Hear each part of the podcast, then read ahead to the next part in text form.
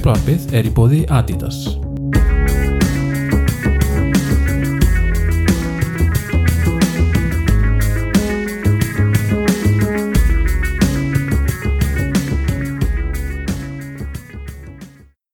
So, Dimitar Berbatov, welcome to the Icelandic Red Devils podcast, and it's an uh, honor to have you with us on, on the show.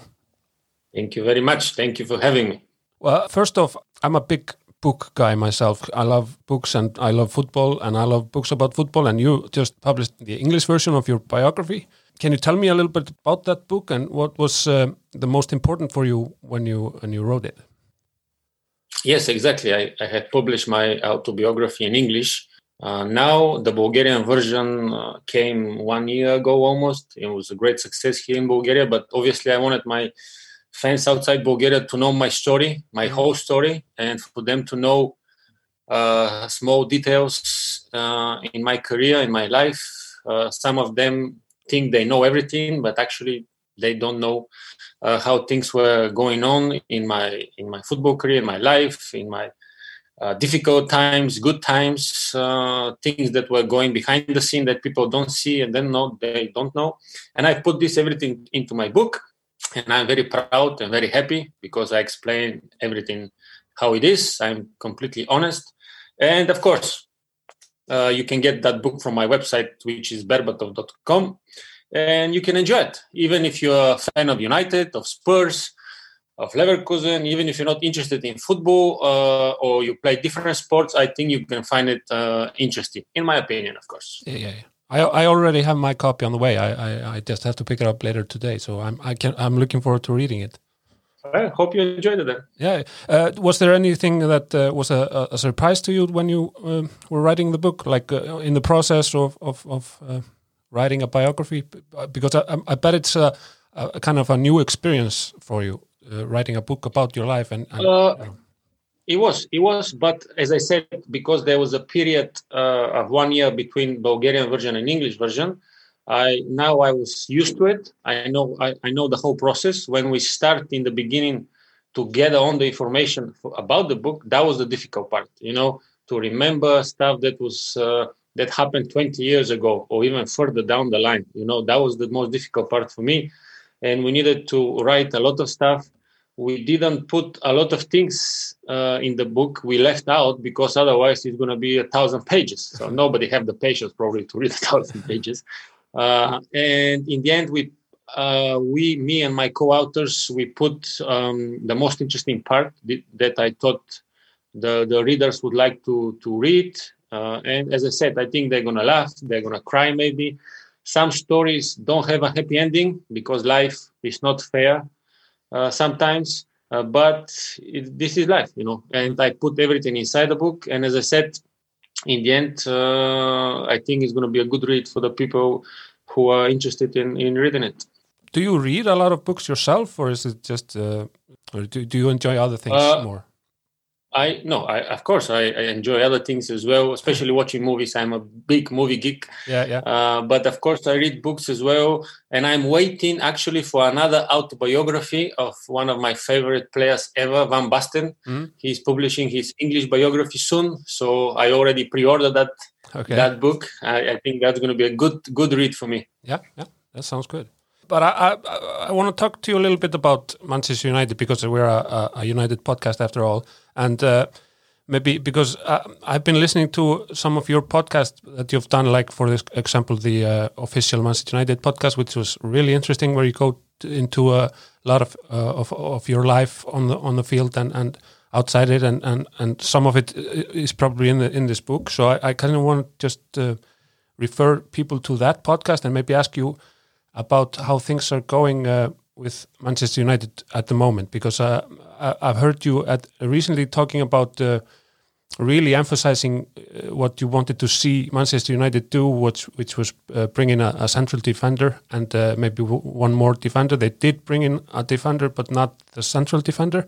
W what did you think of just the the final day of the transfer uh, window when the, those four players were brought? Um, three of them attacking minded, but one a left back and no uh, central defender. What did you think of, of, of the window?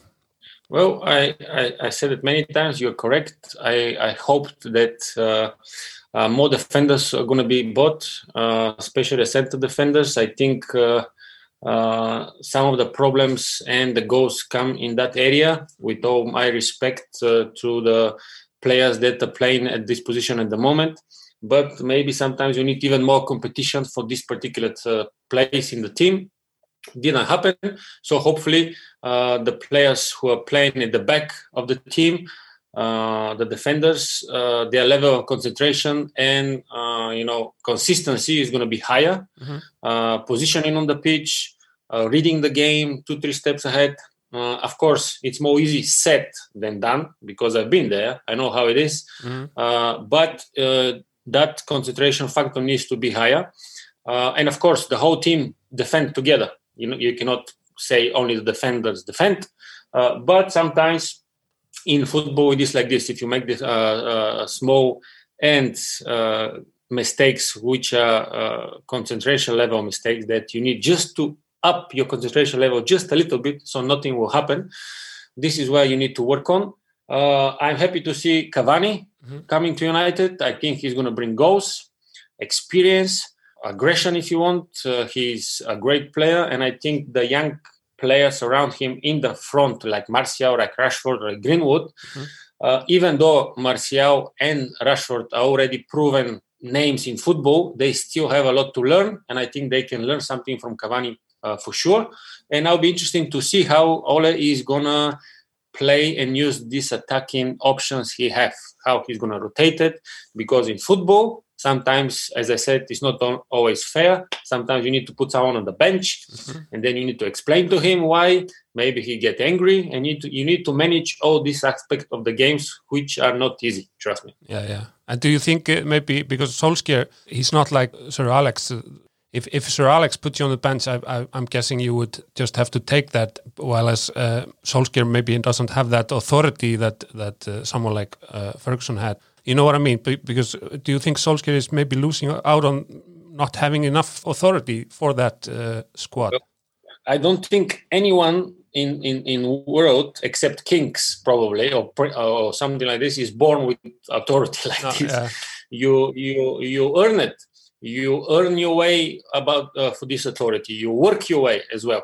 Mm-hmm. Uh, and Ole is just uh, starting his way up that ladder because for sure Sir Alex Ferguson, when he was starting, he wasn't having that authority that he had later in life oh, yeah. in, in, uh, as well. So hopefully, hopefully, uh, this is very very difficult position, uh, a manager's position, uh, and Ole is gonna have the time to um, do his job.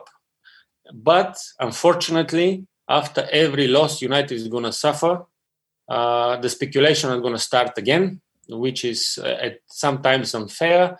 But this is life, this is football, and at the moment, obviously, uh, people are focused on the managerial position of United and always looking for that moment where they can express their unsatisfaction with, for example, if United not playing well or uh, losing games. And that's why if they lose games in the future, and they will lose games, mm-hmm.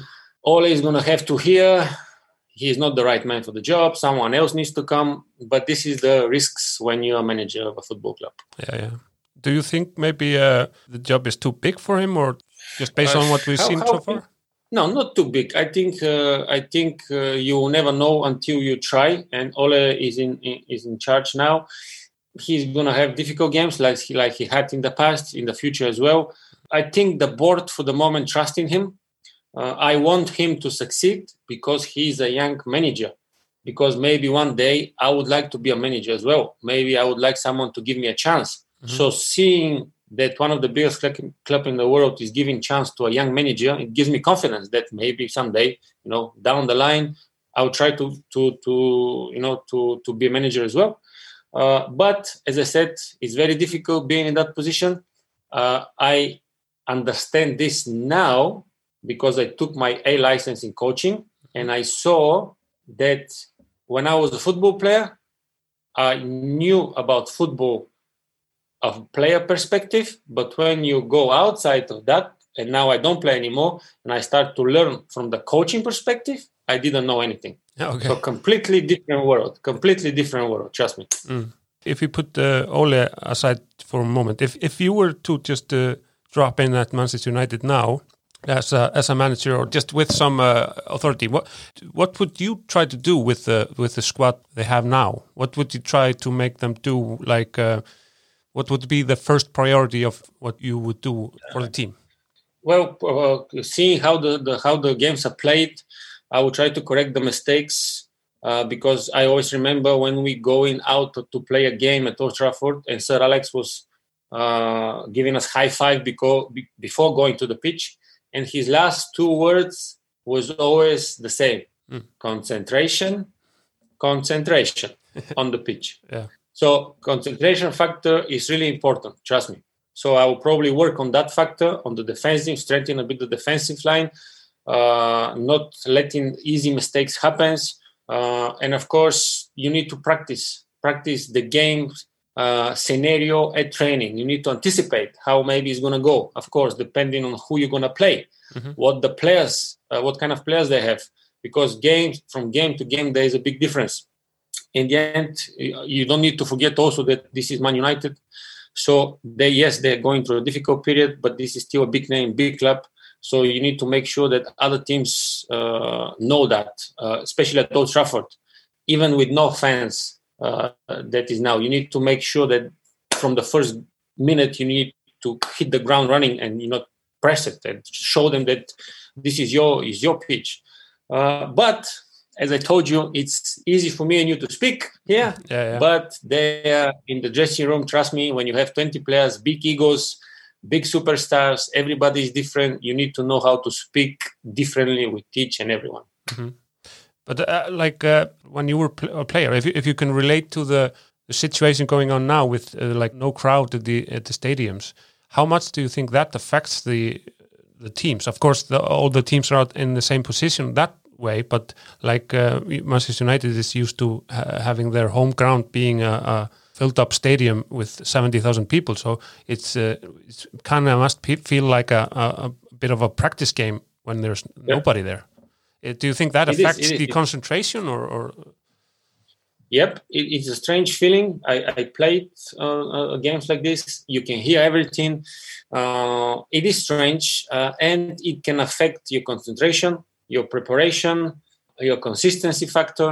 Uh, and uh, the the thing is that if you have a team with better players, quality players, uh, it's going to be more easy for you because these players, even if they are not concentrated enough, they can uh, because they are so much so good as a qualities they will overcome this uh, problem and deliver you results but if you have a small team who are not quality enough and their concentration is lacking and their persistency factor is not there uh, is you're going to suffer in a situation like this with no fans because you're going to take it as a training session sometimes.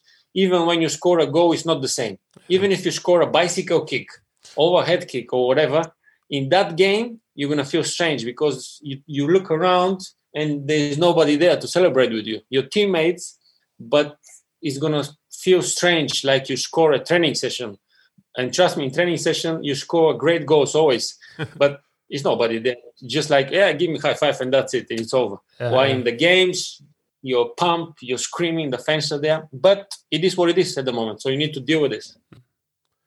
I want to ask you uh, something else about uh, with your experience, maybe in particular at Manchester United, but just uh, through your career. Do you think that uh, pl players uh, think of the ownership of their club in any way? Uh, do, do you think that affects them? Like, for example, with Manchester United, that's uh, something that that is a, talked about a lot. Do you think the players like No. yourself and others, or, or is it just a non-issue? No, no, I, I, I never. I would don't remember a moment where we spoke about the ownership of the team when I was there. Mm. We were concentrating about the games, about what we do on the pitch. Uh, we knew, we knew. probably it was it was advantage for us that Sir Alex was in charge, Mm. so we knew that he had it. He had it covered, everything. You know, he Yeah. he was in charge, uh, and we never asked a question about the ownership of club stuff like this this kind of uh, politics in a way Mhm. uh, but now probably times are a bit different uh, i'm not in the dressing room of united anymore or, or any other club but if that's is something that the players start to speak about i don't think that's a good thing because the concentration should be of doing your job which is on the pitch. Uh, things that are happening on board of directors, ownership, stuff like this are happening around the world, and a matter of other individual in the team to work their differences if they have any. Uh, but as I said, we are privileged and uh, in advantage because if you have a problem, you go to Sir Alex and you say, "Boss, this and this and this," Yeah. and then you know that it can be handled. Yeah, yeah. But, but for example, when you were uh, joining a new club, that didn't enter your mind, like who owned the club? Did, did it have um, any effect on you deciding if you wanted to go there or not? No, No. no, Okay. no, not for me. Not for me personally. My mind is on the on the team, Yeah. on the on the way I'm gonna play, what I'm gonna bring, who the coach was. The most important thing. If the coach wants me, who are my teammates? Are they ambitious enough? And al- always football related. Yeah, that's good. Uh, thank you for that. Because you were talking about going into management. Where would you like to start, and uh, what would be like the biggest dream of managing for your career? Do you have like something specific in mind? No, and not yet because uh, I, I took my A license in coaching. I need to do my pro license if I want to be a manager. Mhm. But at the same time, I have my degree in sports management, so I can be a director, vice president, or president of an organization if I decide to. Uh, you know, and these uh, options that I have open for me now uh, down the road. It depends which one I choose, uh, which one I feel most prepared to do. Of course, I'm not going to feel 100% prepared uh, until I start to do something. I'll, I'll make mistakes. I will learn from them and start like this. But in football, the difficult part is when you stop with football, then to decide which road to take ahead of you. Yeah. If if you were smart enough to prepare ahead of time, then it's going to be more easy for you. Uh, if you didn't, then it's going to be probably be more challenging and difficult uh, to to to start doing something. So I am in this crossroad now at my in my career where uh, unfortunately we have the situation that we have with this virus. So more time for the families, for the kids, more time maybe to think about what to do. And as I said, down the road, if I decide to to do a management uh, and be a coach, hopefully someone give me a chance. If I decide to be a sports director or do something like this, again, I need my chance. And maybe a third option, I do I don't do these both things. Maybe I go completely different direction, something else. We'll see. But you could be a director of football. Is that am I understanding you right? Like yeah, I can be because I have I have the degree. yeah, Uh, I have run my foundation for 11 years now, Mhm. uh, helping, helping talented kids. So uh, I have my experience to, of running people, uh, you know, to delegating uh, rights and to do stuff. So uh, of course, this can help me uh, in a way. And when the time comes, as I said, you need to to time it right at sometimes, the right moment, the right time. yeah. Because Manchester United, uh, there's been talk about them needing a director of football for um, a long time now. Do you see yourself in that Well, role? Or? Ah, if you ask any any ex football players of United, do you see yourself in that position? They're gonna say, "Oh, yes, probably." yeah. You know, they're gonna say that. Uh, but this is again, it's not easy as it sounds. It's a, a challenging position. It's a difficult position. It's position of uh, where you need to know actually what you're gonna do to have your plan. You have your team uh, who are gonna work with you, uh, decision making uh, team, and yourself as well. Uh, and as I said, when the opportunity come, someone need to give you a chance, and you need to start doing that. So, as I said, we see down the road what happens. Yeah. Well, uh, I know you're a, a busy man, so I just want to thank you again for uh, taking the time to to talk with me. It's been a real honor talking to you, and thank you again. No problem.